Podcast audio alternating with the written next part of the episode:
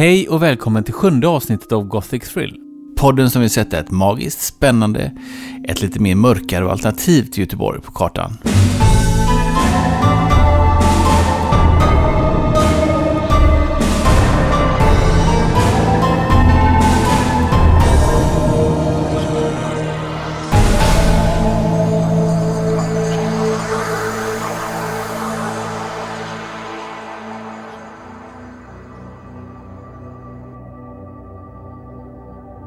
Hej och välkomna till Gothic Thrill.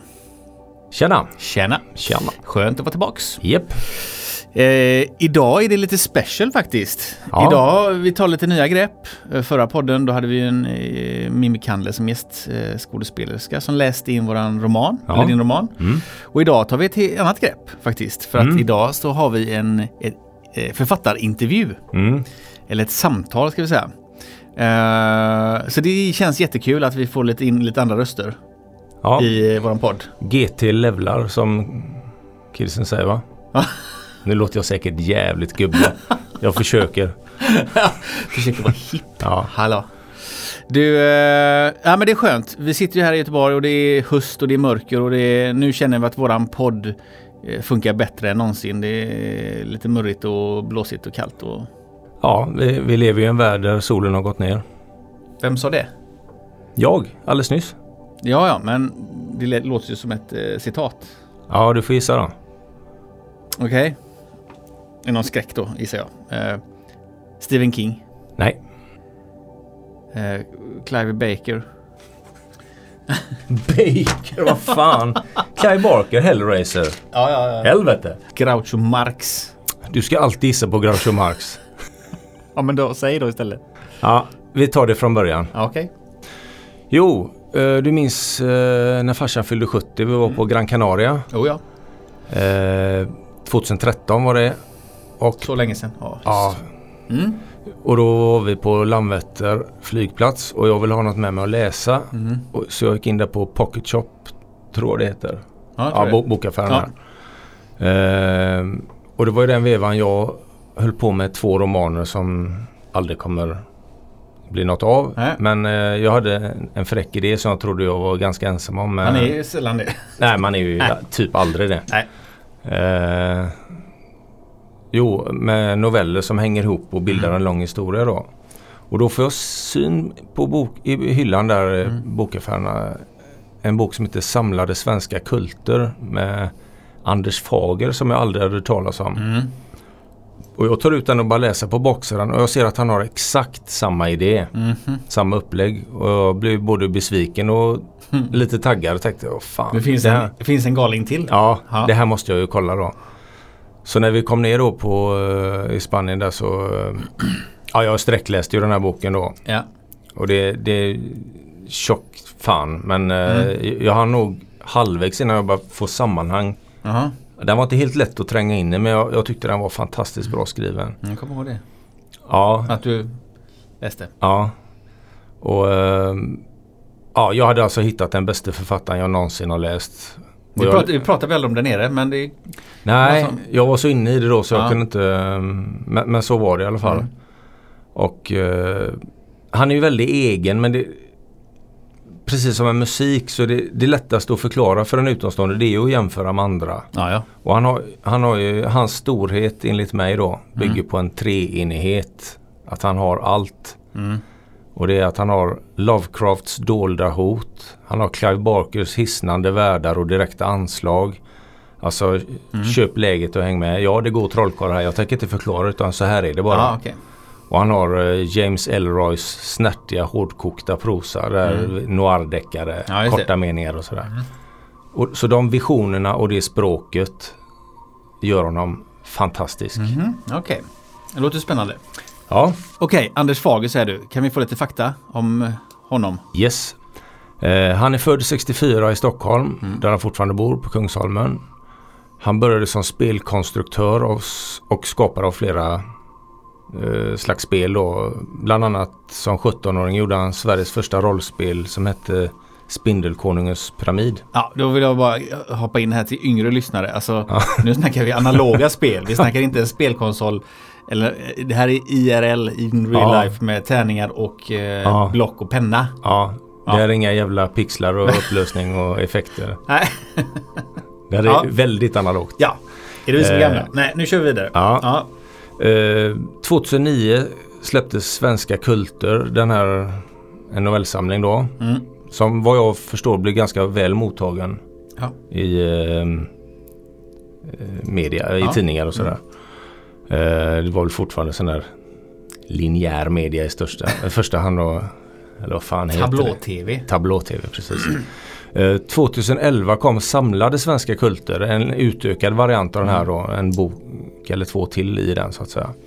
Sen har han släppt eh, en mängd böcker då, bland romanerna kan nämnas då eh, Jag såg henne idag i receptionen, En man av stil och smak, eh, Kaknäs sista band och nu senast För gudinnan. Mm.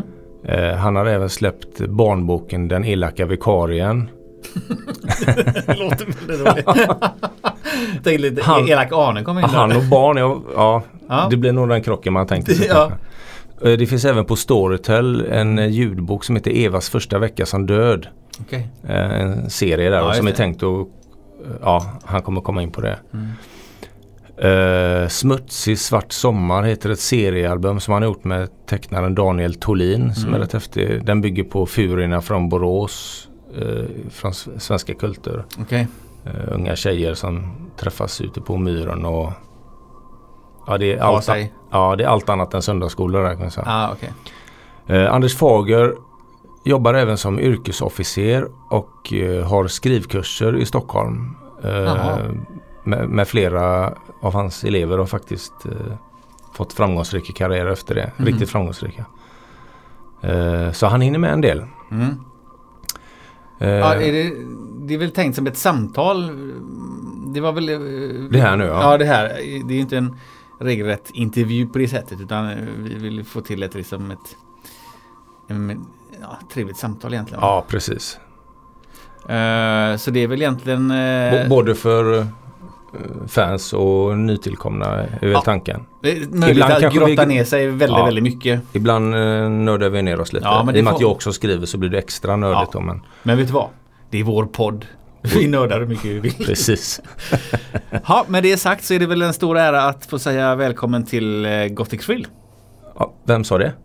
Det gjorde faktiskt Anders Fager.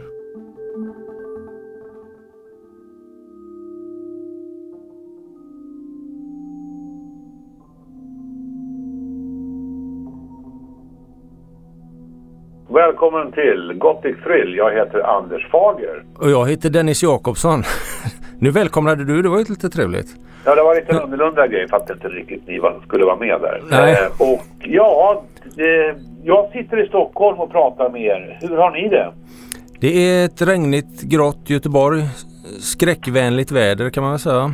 Ja, viss sorts Man ska sitta på tak och vara sådär lite emo-vampyr eller någonting. Exakt, exakt. Gotham City-väder. Ja, eller regnar det så mycket i gotik egentligen? Jag vet inte riktigt. Jag vill tänka mig det, men jag vet inte riktigt. Det är helt ofräscht med regn. Det, det kanske är mer dimmigt, eller som det är i din bok, att det engelska vädret när det nästan regnar. Ja, ja, men det är nog mer sådär, precis. Det här engelska när det liksom är hög luftfuktighet på Ja. vis. Det är, men ganska mycket i Göteborg också? Jo, lilla London är... Tyvärr förstår vi varför det heter det. Först och främst vill jag säga grattis till eh, För gudinnan. Tack så mycket. Eh, Jag läste ut den eh, för ett tag sedan nu. Ja, den är ju... Jag tycker den är makalös. Jag vet inte om... Ska, vi dra den snabbt för lyssnarna lite vad det är för något? Jag kan berätta vad, vad jag tror att Mm. det är. Jag tror Mm. att det är en roman som handlar om Tipper och Tiffany som båda är några slags gudinnor eller övernaturliga väsen och deras ändlösa gräl och käbblande som i det här fallet då fokuseras på att de båda har en inte helt sund relation till en väldigt känd filmstjärna som heter Adam. Mm. Det här går åt skogen med sång och musik och längs väldigt olika spår. Det är väl en början. Det, började som att jag skulle skriva en kärlekshistoria eller en romans men det vart ju lite annat också. Det- Den börjar ganska stillsamt med den här, mid- äh, stillsamt ska jag inte säga men Ja, men Det- de det- är i samma rum och inte Ja, exakt. går sönder.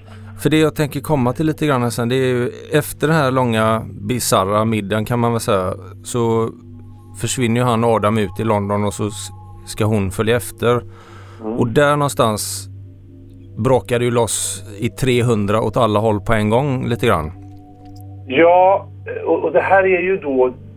Det här är ju den här världen som från början är ett, eh, ett gammalt rollspel som heter Kult. Det här är ju skrivet så att säga för spelet från början men sen, sen vart den här så speciell historia så att den fick något slags eget liv och liksom bröt sig ut ur laboratoriet. Och eh, det mest fantastiska med den här världen kult, det är den här idén om en stad som alla städer sitter ihop med. Och att det någonstans liksom inte riktigt funkar vare sig med tid eller rum riktigt där. Ja precis, det, det är som om eh, dimensionerna, de, de håller på, dallrar och håller på att kollapsa nästan. Ja, ja men visst, du går runt ett hörn och är 300 år tidigare och inte längre i Stockholm utan du är i Berlin. Ja precis. det, det låter helt stolligt men jag älskar det och jag tycker det är någonting helt fascinerande med att du ser gamla byggnader bland de nya och sånt där. Det är jättehäftigt. Det ger ju härliga friheter som eh, författare med. Man, man kan verkligen eh, släppa loss och det, och det har du ju gjort där. Jag, jag mötte ju dig efter, på mässan där, dig och Orvar alldeles efter ert, eh, vad heter det, när ni hade eran eh, lilla genomgång där uppe i salen. Ja, Och eh, då, då pratade vi lite grann om Metropolis där. Så jag visste ju vad det skulle vara så men, men jag blev ändå frenesin i det var ju helt eh, otroligt. Jag var inte beredd på Ja, det kan- det galna äventyr. det kanske är mer jag och det kanske var där någonstans det blev liksom mitt Mm. det här. Eh, att jag jag tror att det här det, det som kanske skulle ha blivit något mer stillsamt och gotiskt och lite tjusigt. Det, Mm. det på något vis löpte amok. och eh, jag, jag tycker ju om det liksom. Sen, sen tror jag på gott och ont att jag har skrivit en ganska svårtillgänglig bok. Att den är ju inte kanske... Eh, det är ju ingen liksom lättläst mysrysare direkt. Nej, det är det inte. Den är nästan lite som en halvabstrakt tavla. Man, man hänger med men man, ibland, ibland blir den som, det blir lite, nästan lite poetiskt. Och ibland blir det actionscener och ibland eh, vet man inte riktigt var man är någonstans. Och, men den, den, är, den är kittlande just tack vare det tycker jag. Men ja, den är kanske svårsmält för eh, vissa människor. Ja, eller svårsmält. det låter så jävla pretentiöst. Men som att åh, jag har skrivit en svår bok. Men, men att um, den är, väl- den är... Jag tror att det finns mycket man kan gå tillbaks till och fundera över. Och jag tror att är du litteraturvetare så kan du ha hur kul som helst med den här. Här kan man ju verkligen gräva ner sig. Försöka tolka på något vis. Vi- Vissa grejer lyser ju igenom så. Till exempel det här med idoldyrkan och ikonisering och köphysteri och där man ska ringa och rösta och bli, lite sådana grejer kunde man ju le åt. Där, där fattar man ju lite grann. eh, Ja, den här juryns galleria och det där är ju, det, det är en väldigt roligt stycke för att jag hade verkligen ingen aning om hur jag skulle föra den här personen från A till B. Nej. Och eh, det här var en av de, ett sånt här namn som jag bara såg när jag bläddrade i det här gamla kultmaterialet. Det finns en galleria som juryn äger. Och jag är inte ens säker på att det är så längre för att jag kommer faktiskt inte ihåg vad det stod. Men det var någonting i den stilen. Jaha. Och sen skrev jag i princip hela den sekvensen när Adam är i den här gallerian i ett svep. Och det blev liksom som det blev på något vis. Eh, med de här konstiga utröstningarna och eh, Mall of Scandinavia var ju nybyggd precis när jag skrev det här och det lät som någon sorts shopping-utopia. Den här kultvärlden. Jag, jag, det är en sak, jag är ju ganska fagernördig men det är en sak jag inte har riktigt, jag var ju aldrig med i den här rollspelsvärlden när den kom men i min tanke så finns det ju tre typer av fageruniversum lite, lite grovt. Och det är ju den här eh, Kaknäs-berättelserna där. Och det ja. är kult, samlade kulter den här och den här nu då för gudinnan. Är, är alla de tre baserade på kultvärlden eller hur? Nej, verkligen inte. Det är helt olika byggen. Det är alltså det här, både nu eh, för gudinnan och Kaknäs har i alla fall ett avstamp i olika spelvärldar. Och nu ska ni som hör det här och inte är så intresserade av det inte få panik för det är fullt fungerande böcker utan att ni har en aning om vad jag pratar om just nu. Eh, men eh, sen är ju hela det här Svenska Kulturbygget, det är ju synnerligen ett helt annat bygge och det är ju min, min Lovecraft eh, hommage eller mitt Lovecraft-bygge eller vad man ska kalla det för. Mm. Sen har jag ju egentligen nu ett fjärde bygge som är det här, den här ljudboken Evas första vecka som död och det är ju också någon slags Stockholm World of Darkness eh, vampyrhistoria. Så det är ju ett fjärde bygge. Jag är lite osäker på om Eva vet om allt det andra som finns i Stockholm. Nej, okej. Okay. Ja, hur, jag tänkte ändå nämna det men vi, när, vi, när du tar upp det, vi kan ju gå in lite på den. Mm. Ja, den finns ju på eh, Storytel då, första ljudboken av dig där. Är det något, du, du får gärna berätta lite om den. Ja, alltså Evas första vecka som död, det är ju en, det är en ljudbok om vampyrer. Och eh, det var ju en sån här grej som jag skulle ha sagt för två år sedan att nej men vampyrer, hur, huvudringen. Eh, det verkar så. Det har ju alla andra skrivit om. Ja. Eh, Eh, nu har jag också gjort det. Eh, det var en väldigt spontan idé som kom när jag fick frågan om jag ville skriva ljudbok. Eh, och eh, den höll att utvecklas. Den här eh, medelålders kvinnan som bor i Stockholm och blir vampyr och är en väldigt strukturerad och ordentlig människa. Kommer det mer med henne eller är det... Det finns, eftersom det är en del av Storytels upplägg att det ska finnas så att säga utrymme för fler säsonger så finns det eh, plats, eller det finns planerat för tre böcker till, hör och häpna. Ah, okay. eh, och de heter följaktligen eh, Evas första månad som död och Evas första jul som död och Evas första vår som död. Eh, I alla fall så här då. Jag är inte säker på att det är en bra idé. Ja. Men eh, den, den går mot någon slags sån här Breaking Bad-konklusion. Okej. Okay. Eh, att eh, att hon lovar ju på ett väldigt tidigt stadium i eh, den här första boken att hålla ett tal när hennes dotter tar studenten ja. i Lund, i Uppsala, utomhus. Och det här är liksom bilan hon har hängande över sig genom hela berättelsen. Eh, börjar man ledsna på att vara vampyr så kan man ju alltid gå och hålla ett tal i Uppsala. Ja, precis. G gammalt välkänt trick. ja, precis. Det är så de ja. gör.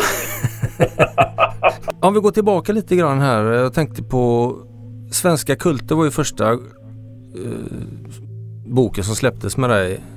Mm. Eh, jag vet ju att du har skrivit precis som jag och många andra som skriver. Man skriver och ratar och hittar sin form och slänger romaner och här satt det ju uppenbarligen men finns det tidigare eh, grejer du har gjort som har blivit refuserat som du egentligen hade velat ge ut eller var det Svenska kulter som liksom var starten att nu, nu flyger det liksom? Ja, jag, jag, tror det var så att jag var nog... Man gör ju, alltså det svåra när man skriver är ju att man gör en hygglig massa tid själv. Ja. Och är man då dum som jag var, att man inte frågar någon om råd, så, så eh, kan man ju dessutom lägga helvetiskt mycket tid på någonting man faktiskt är rätt dålig på. Mm. Um, men jag har väl tror jag att eh, det finns väl tre, fyra, fem så gott, tre eller fyra så gott som färdiga eh, romaner jag tagit mig igenom och som jag inte tror kommer att se, eller de kommer inte att se dagens ljus. Eh, det är väl ett par av de grejerna som är, vad ska jag kalla det för, intressanta idéer fortfarande. Men de riktigt intressanta idéerna har på något vis följt med ut kulterna. Det här var ett väldigt långt och omständigt svar men, men, Nej, men det, svarade jag på. Ja. Det är intressant. Jag, suger i mig här. Jag vet att hela den här Boråsprylen och eh, det här med att det finns, och även Bodskär, det här med att det finns liksom tentakelmonster ute i Stockholms skärgård. Det är ju gamla, vissa av de här gamla idéerna i, i Svenska kulter är ju från att man har spelat det här rollspelet Call of Cthulhu och försökt liksom transformera det till Sverige. Och där var rollspelen igen, inser jag. Ja. Eh, det är ju alltså det här Lovecraftiana-spelet som en gång på världen gjorde honom, ja det räddade honom från att bli helt bortglömd. Mm. Och, och det var fantastiskt på sin tid, även hur det liksom hängde ihop i, i hur ska jag säga, alltså det, Cthulhu när det kom som spel var en helt annat sätt att se på de här eh, rollspelen, vad man kunde berätta för historier och så. Ja, okej. Och dessutom så tog man ju då en fullständigt obskyr författare och lyfte fram i ljuset. Eh, och utan, eh, utan spelet hade vi ju aldrig haft alla dessa tyg Cthulhus och allt vad det är. Nej, okej. När du arbetar, arbetar du med du, flera projekt samtidigt eller? Ja, alltså jag har väl två eller tre grejer igång samtidigt för det mesta. Okej. Och det tycker jag, och det, de ligger väl på olika prioritet och det behöver inte vara så att jag sitter och skriver två romaner, en med varje hand. Men det finns något B-projekt hela tiden. För Är, är det några kommande projekt som du kan prata om? Ja, jag jobbar med en tv-grej nu som jag inte kan prata så mycket om och det skulle jag vilja för att jag är så upphetsat glad över den. Att jag skulle vilja springa runt och säga ja, lyssna vad jag har gjort. Men, men det kommer bli av eller? Ja, det vet vi ju inte än. Det vet man aldrig förrän man, man är på tv känns det som. Nej, okej. Eh, film, film och tv-industrin är ju, det handlar ju om pengar. Ja. Och det, det handlar om att någon annan ska betala för att det du och kanske ett produktionsbolag tror på. Eh, men eh, nu har jag ju två, jag har tre och fyra olika projekt som ligger ute och rullar. Så en vacker dag så. Men annars så skriver jag faktiskt på nästa bok om Cornelia Karlsson. Jag upptäckte till min oförställda glädje att jag hade skrivit ett kapitel i den boken som jag faktiskt hade glömt att jag skrivit. Det, det är inte varje dag man upptäcker att man har skrivit 30 sidor och glömt det. Och kanske till och med tänker jävlar vad bra det här var. Det, det han, jag, jag bara konstaterade att det fanns. För jag har varit satt med en annan grej igår. En översättning. Och eh, jag, jag, eh, jag ska läsa det där idag tror jag tänka. Just fram ikväll och tänka jävlar vad bra jag är. Och det ska bli... Men är, är det krig? Eller, och, Det, ja, det är krig barn eller? Det är krig bara, Ja, precis. okej.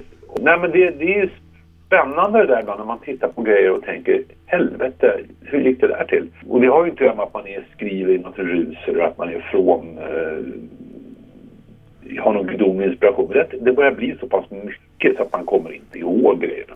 Är det, där, det blir en fortsättning på eh, En man av stil och smak man då? Det ska landa i Ja. det här med vad, vad blir det av Cornelia Karlsson och det här med ögat, handen och hjärtats ritualer. Vi är ju uppe Ja, på det. hjärtat nu så det blir, liksom lite, det blir lite våldsamt. Ja, för det var lite, eller lite, det var ju ganska stor cliffhanger i slutet på förra den, där. den är ju liksom, det, det, det är ju någonting som, som börjar eller slutar där. Och nu är tredje boken ur eh, Fredrik Hedlunds perspektiv så det blir ganska mycket brevroman av det. För att han skriver någon slags brev till sin eh, dotter som han nästan aldrig träffar och berättar om det här. Så att då går jag tillbaka. Då är det liksom den här 1800-tals, eh, du vet, Dracula och sånt här. Och den här eh, Wunderland eller vad den heter. som en del har hört om. Ja, Wunderland är förmodligen nästa grej jag ska gräva ner mig i när jag... När jag eh, ja, ja, när jag, i, ja den, den ligger på något vis fyra hela tiden i vad jag kan hantera. Aha. Och Wunderland är min, eh, min storslagna idé om eh, rymdvarelser, andra världskriget och svensk beredskap. Det, det har varit rätt massiv research på den har jag sett på nätet. Ja, alltså det är ju delvis det som är problemet. Att ska man få det där att fungera så blir det väldigt mycket research. Därför att, eh, därför att alltså, det, man in, den här grejen interagerar med en massa skit som jag måste veta hur den fungerar. Och det, har inte nöd, det behöver inte nödvändigtvis vara radarsystem som jag nu vet löjligt mycket om. jag, det hade du aldrig gjort annars? Nej, jag hade nog inte satt mig in i eh, nattjakttaktik under andra världskriget. I alla fall inte på den här nivån. Eh, och, och ja, men det är mycket sådana här... Eh, jag, börjar, jag börjar få en ganska god bild av svenska luftförsvaret också, eh, till min eh, förvåning. Eh, och, och också såna här, ja, men det är mycket sådana här, eh, vad ska jag kalla det för? Ja, men det är väldigt mycket systemförståelse. Man måste, jag måste fatta hur man arbetar ombord på en ubåt. Liksom. Aha. Eller, eller hur man... Eh, och det är jättestora maskiner och det är jätte, jättemycket folk. Och, och det är ett stort jävla krig som pågår. Och, och ja. ja, det är, en, det är en ganska komplex ekvation kan man säga. ja, ja nej, men precis. Det är en komplex ekvation. Det blir en bra beskrivning. Hur, och på tal om det. Jag, jag tänkte på det här med eh, kartor, lathundar. Hur, hur mycket du själv har koll? Alltså du är ju världsbyggare kan vi ja, kalla det då. Och eh, just med kopplingar mellan personer, åldrar, var de bor, ja du vet mm. Wallin den äldre, sällskapen bara för att plocka några sådär. Har, har, du koll på liksom, eller koll men har, har du en bild av eh, mer än vad du lämnar ut i böckerna? Att jo men hon är så gammal och, eller skrivit upp vilka sällskap det finns? Och, jag har en större bild än vad som syns och det tror jag måste vara så för att annars eh, jag kan inte lämna ut allt. Eller hur, hur ska jag säga? Eh, men har du det nedtecknat liksom eller har du det i huvudet?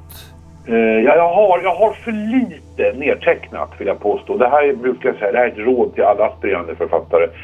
Eh, börjar ni skriva ett stort världsbygge så ta anteckningar. Eh, och gör det gärna på något, ska vi säga, eh, överblickbart sätt. För att jag har, jag har fått lägga ner för mycket tid på att, så att säga, researcha mig själv. Jo, jag, jag har ramlat också i den fällan att man, man tror att jo, men det, här, det här har jag koll på. Mm. Och så kommer man hundra sidor och så börjar man fundera, men vad fan, vad hette han efter han nu? Och man får bläddra och ja, Ja, det behöver inte vara världsbyggen. Det är ju överhuvudtaget, kan, om man skriver romaner kan det vara svårt. Ja, att... precis. En mer komplicerad deckare måste ju vara ett jävla prassel liksom. Ja, crossover-projekt, det, det hittar jag på nu det här ordet. Men är det någonting du har tänkt på? Jag ska, jag ska förklara vad jag menar. Att, eh, ja, dels ska man göra samarbete med andra författare eller nätberättelser. Eller, men jag tänkte även utvidga du vet, kortfilmer, man gör en uh, My vernissage det, det kanske skulle bli... Ja, det kan bli livsfarligt. Men... Ja, det kan bli mer än olagligt. Det kan bli livsfarligt. Men, men eh, ja, du vet. Nej, klädtryck, prylar till SF-bokhandeln, kanske fler seriealbum. Ja. Ja, alltså jag, jag är ju nyfiken på att pröva sånt. Mycket för att jag är så jävla less på, på mig själv. Eller vad ska jag säga? Less på att sitta ja, sitta själv helt enkelt. Det, det, är liksom, det har en begränsad charm. Och jag tycker också att det är väldigt roligt eh, att få in andra människors intryck. Eh, jag har ju en arbetsrelation med min hustru som är väldigt duktig på, på dramaturgi och, och sådana grejer. Hon har varit med väldigt mycket, med, till exempel med några av de senare böckerna och fungerar som något slags regissör eller någonting.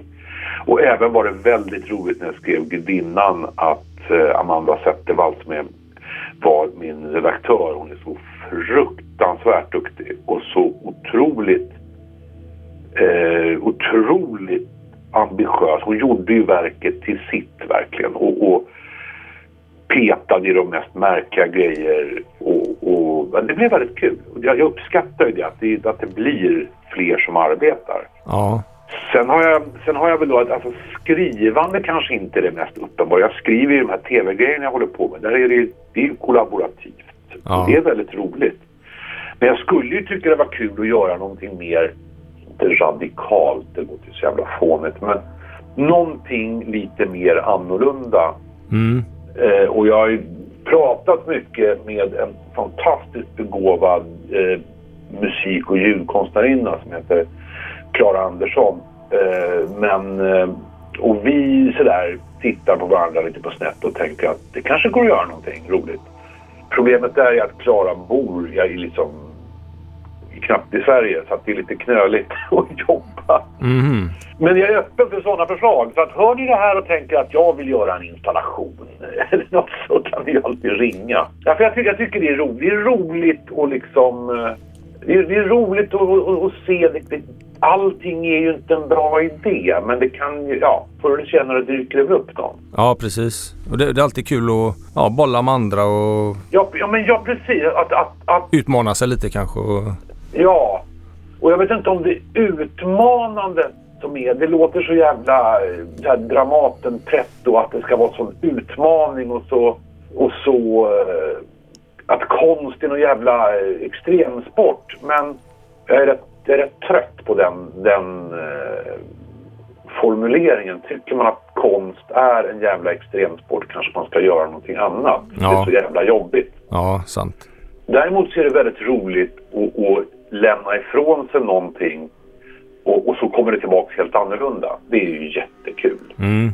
Eller att man tänker att, att eh, det där trodde jag att du skulle göra men nej, det gjorde du inte. Det blev något annat av det. Det är ju väldigt skoj. Ja, och så kanske det blir lik förbannat bättre än vad man hade tänkt sig ändå från början.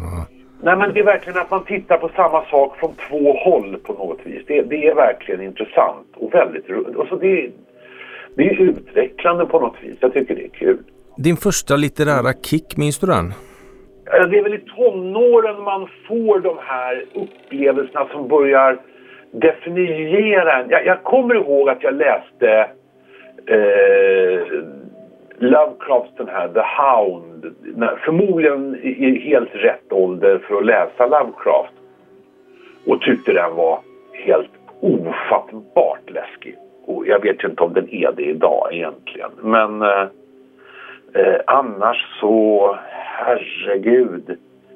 Eh, man konsumerade ju allt som var det minsta exotiskt just för att världen jag växte upp i, det här 70-tals-Sverige var ju jävligt oexotisk. Ja, Eh, de här skräckserierna som kom i mitten på 70-talet, Chock och Varulven och Dracula och allt det här.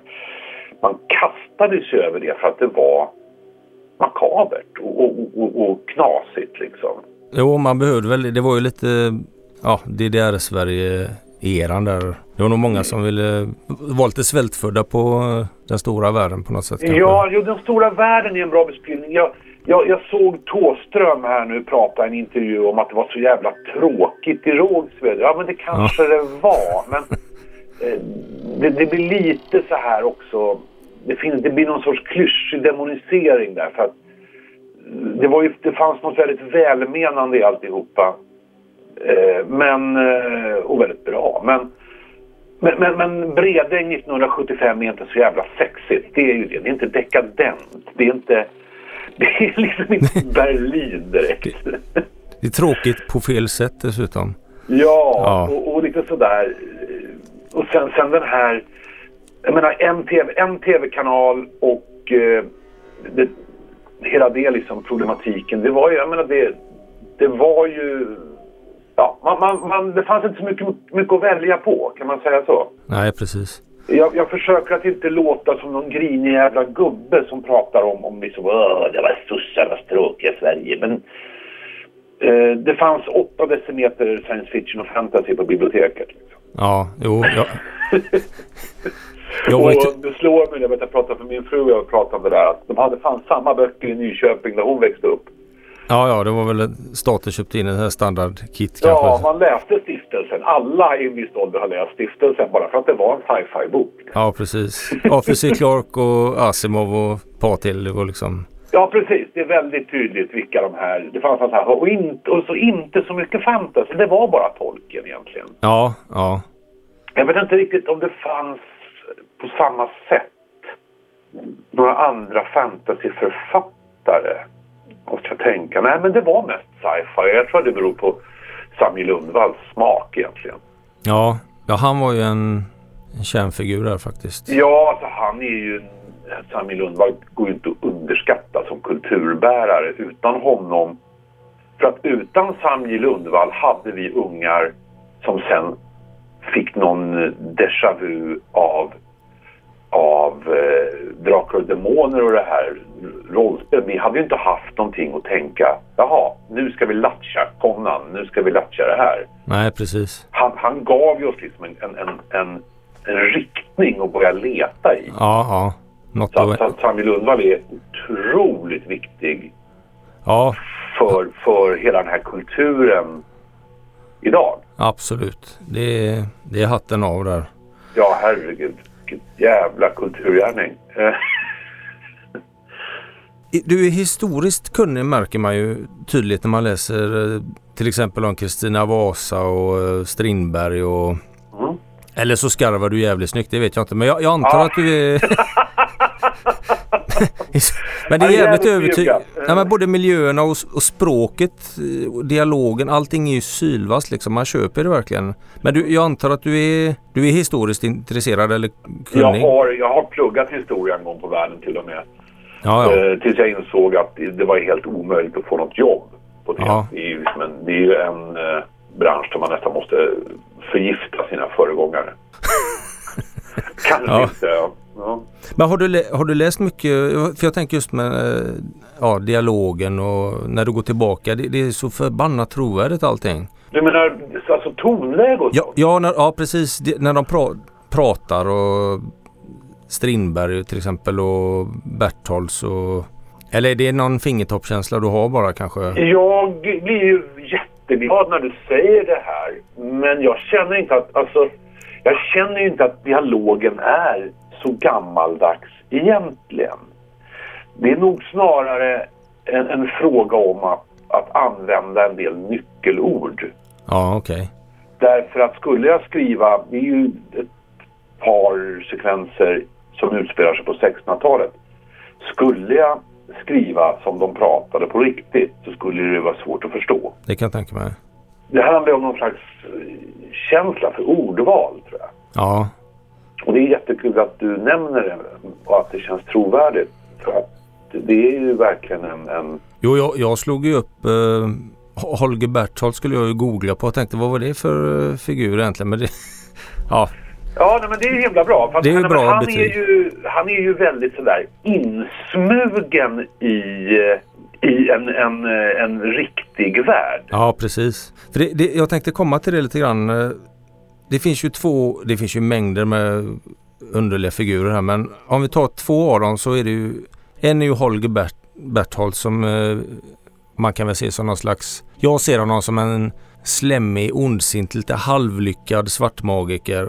Och så har vi hans motsats då, eh, Ingemar Fredman som jag ser lite mer som en motvillig, han är mycket mäktigare fast han är nästan lite motvillig trollkarl på något sätt. Han är ju en lite Gandalf-figur ser jag honom som, som går runt och försöker han vill inte att det ska vara så stökigt och att det ska bli ovänskap mellan, mellan de här sällskapen och sådär. Men är det någonting vi inte vet om dem? Ja, men Bertholdt är väl, Bertholdt är som du säger, han är ju, han är ju en, eh, en, eh, någon slags svensk Alistair Crowley-figur. Ja, precis. Något sånt tänker man ju sig. Ja, och sen är, ju, är det ju närmast vällustigt att skriva om den här tiden, någon slags svensk 30-talsdekadens med Karl Gerhard och sånt där. Och vi har suttit mycket, jag och min fru har haft roligt åt de här Kalle Lind och såna här lirare som, som, som pratar om de här människorna som om de känner dem.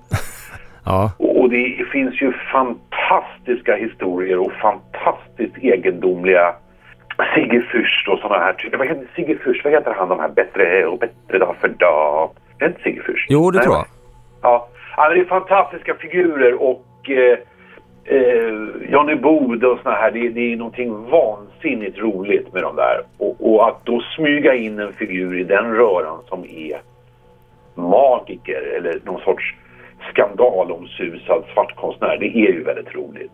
Ja, för de är ju så förbannat. Men även de du nämnde där, de måste ju ha någon mörk sida med. För de, de, det är ju någon slags glättig seriefigur man ser framför sig nästan. De här... eh, Ja, och jag Sigge menar det, det, är inte så att folk har ju sexdrift och, och krökar och, och har jävligt dåligt omdöme även på 30-talet. Ja, ja visst.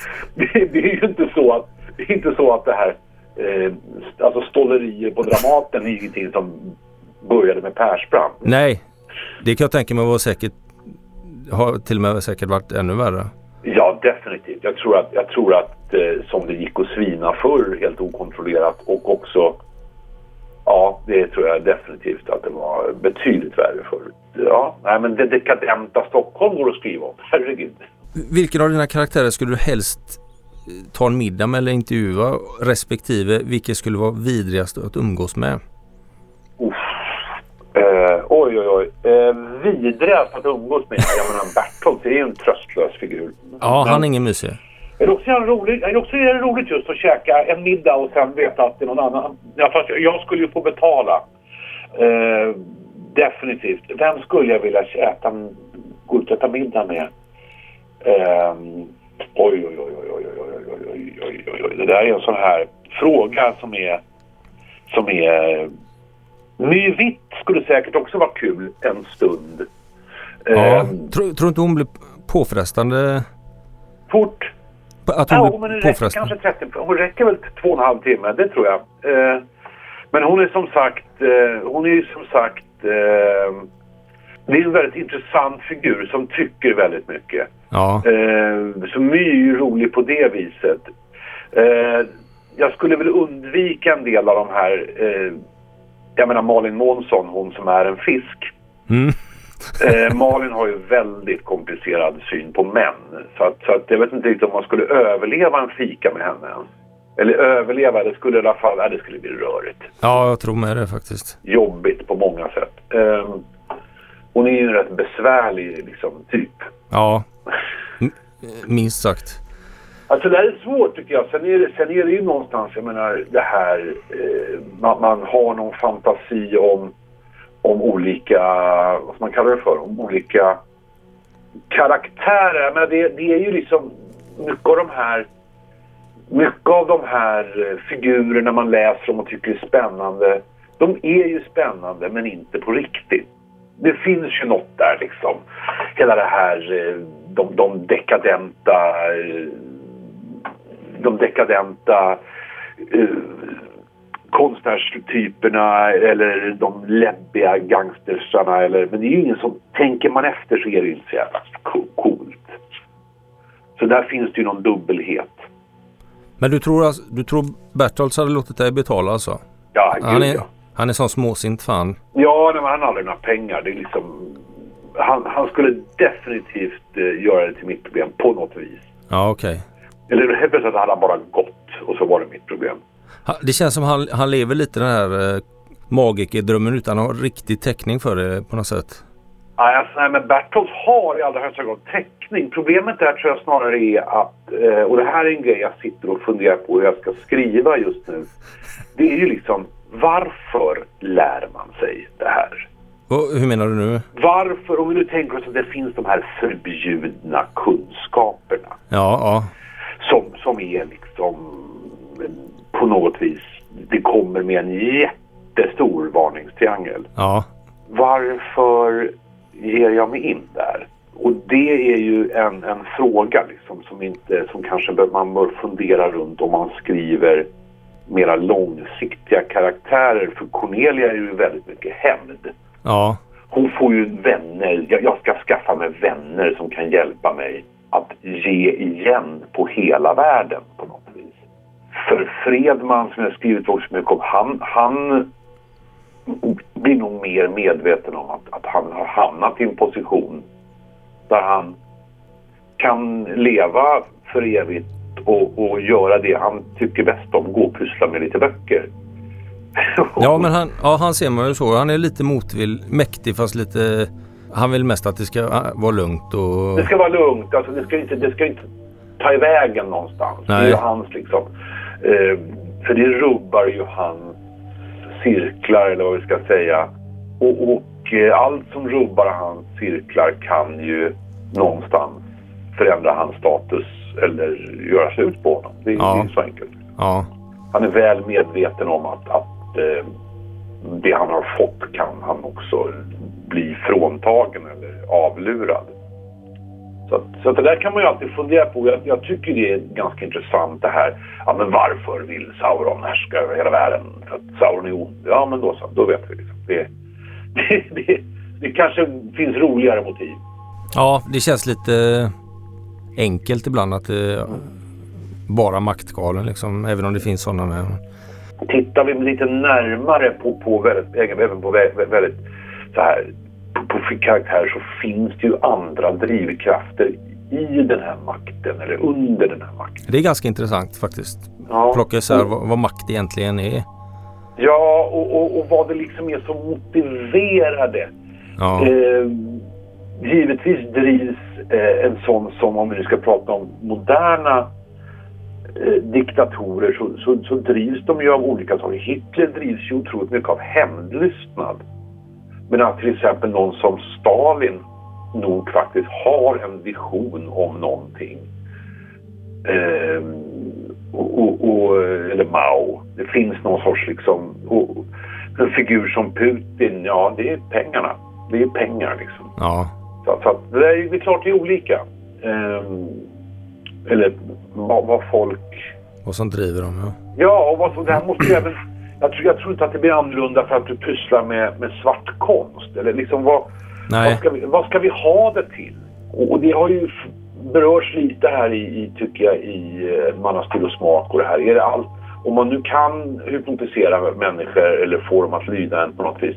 Och det roligaste man kan göra är att komma på olika sätt att knulla i. Ja, ja, det, ja just det.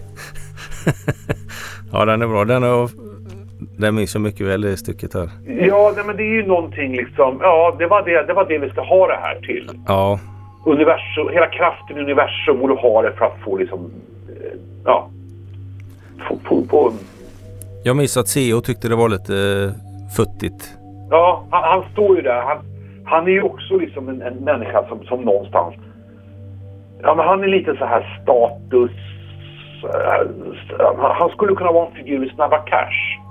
Ja, precis. Alltså, han, är väl, han, är, han skulle kunna vara en Lapidus-snubbe. Någon sån här mm. som, som trasslar in sig i de mest märkliga grejer för att han vill ha en fin bil. Så går det överstyr liksom bortom all... Ja, nej, men jag, jag vet jag har pratat med Jens Lapidus om det med tillfälle att alla dina karaktärer drivs att de vill ha liksom, fina bilar. Ja, men det är...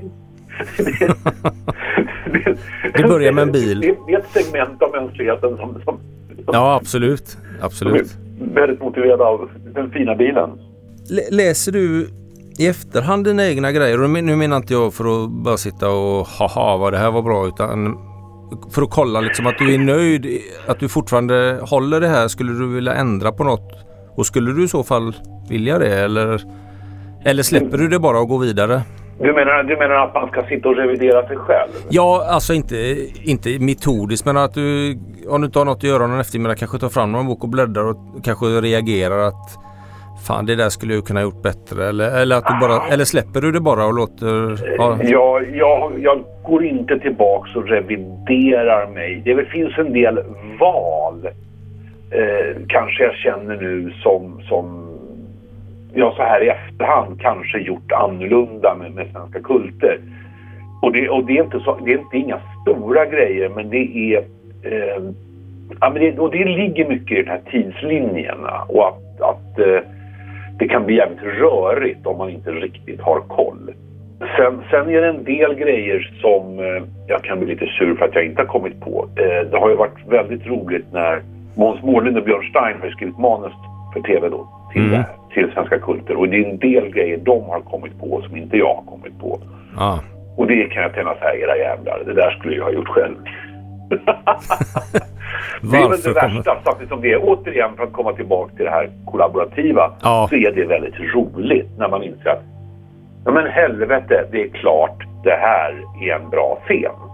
Det är inte alltid, men de, de får till det då och då på en nivå så jag tänker att helvete. Vad, vad skulle Anders Fager 20 tycka om dina böcker? Slash sina böcker då? Tro, tror du? Det här, nu är vi tillbaka där igen med Sanny Lundvall. Det här är ju precis efter Sanny Lundvall. Eh, när jag är 20 så börjar ju liksom världen bli i alla fall i färg och två tv-kanaler. och vi hade haft punk och disco och allting. Men, men eh, nej, jag hade nog blivit helt sådär eh, besatt. Att jag liksom... Det här är ju på den tiden jag läste Jerzy Kosinski och Kathy Acker och sånt här. För att det någonstans finns ett shock value och, och, och att man liksom det här är dekadent och det här är läskigt och det här är inte svårt utan att det just är det finns någon, någon slags jävligt barnförbjudet med det. Så jag hade nog älskat mig själv i den. Eh, och, och, kanske är det någon del, och det här är ju roligt, kanske är det någon del av mig som, som fortfarande liksom skriver för den här 18-20-åriga killen i mig själv. Eller mina, ja. Jo men det kan det, det, kan det nog vara. Ja. Det finns här eh, en, en, en recensent här sa för ett tag sedan att ska du, bli, ska du bli riktigt framgångsrik måste du sluta att koppla ihop sex och våld. Uh, och det kan, kanske hon har rätt i men uh, samtidigt är det ju så himla roligt. Och det, ja, är exakt. ju någonting, det, det, är ju någonting det utlöser liksom. Ja det finns ju något. Uh, det blir ju något magiskt där. Ja, det, jag vet inte om magiskt är ordet men det är ju någonting Eh, jag tog i lite, men det hör ja, ihop i alla fall definitivt. Det, det, blir, det blir ju liksom en... en, en, en eh, men det är, det är liksom dött. Man är kåt och man är livrädd. Ja. Där någonstans liksom. Det, det är ju de två... Det, ja men det är de ja. två starkaste drifterna vi har. Ja. Fortplanta oss och överleva. Det är liksom... Ja. det är faktiskt inte svårare än så när jag tänker efter. Eh, och, och, kan man då röra ihop det där så, så, blir det ju väldigt spännande även om det inte... Jag tror att det, det mest spännande händer nog i läsarens huvud. Absolut. Så att det är nog... Ja, men det, jo men det här är ju en metod även om jag egentligen... Folk har varit artiga nog och inte frågat så mycket om det. Jo, jo. Men det, de ämnena de träffar ju bassträngarna i de flesta så är det ju. Ja visst är det så. Bassträngen, ja men precis. Det är något på någon basal nivå om 50 år, vad tror du, eller vad hoppas du rättare sagt, står om dig i uppslagsverken då eller Wikipedia eller vad fan det nu heter då? Ja, jag hoppas att det står att jag är lyckligt gift tills den dagen jag dör för att jag är så väldigt, väldigt lycklig med min hustru. Eh, sen så får det ju gärna stå, stå att jag på något vis lyckades få ihop till en anständig pension. Men det... alltså, jag vet inte, 50 år framåt. Eh, jag har just han börjat hantera att jag har 50 år bakåt. Mm. det är illa nog. Det är hisnande nog, ja precis. Ja, nej, men jag, jag, blev, jag blev väldigt medveten om eh, i samband med diverse nostalgigrejer så blev jag väldigt medveten om att jag inte är speciellt förtjust i nostalgi och att det just var jävligt tradigt att hålla på och förhålla sig till sig själv som 21-åring. För att jag känner att min bästa tid är nu eller imorgon förhoppningsvis. Eh, det var ett väldigt trevligt samtal och... Eh... Ja, det är kul. Folk ställer allt vettigare frågor. Det tycker jag är roligt. Jag behövde inte svara på en enda fråga om, om jag blev rädd för det jag själv skriver. Och jag, jag prickar av då att jag varken nämnde Lovecraft eller Barker förrän nu, men eh, nu är det för sent. Vi släpper dem. Ja, det är jättebra. Det var jag ja. som har nämnt Lovecraft. Ja, du gjorde oh, det. Ja, du gjorde det. Ja. Men jag tänkte jag ska fan inte säga någonting. Tusen tack Anders Fager. Ja. Hoppas vi hörs igen och eh, lycka till. Tack så mycket.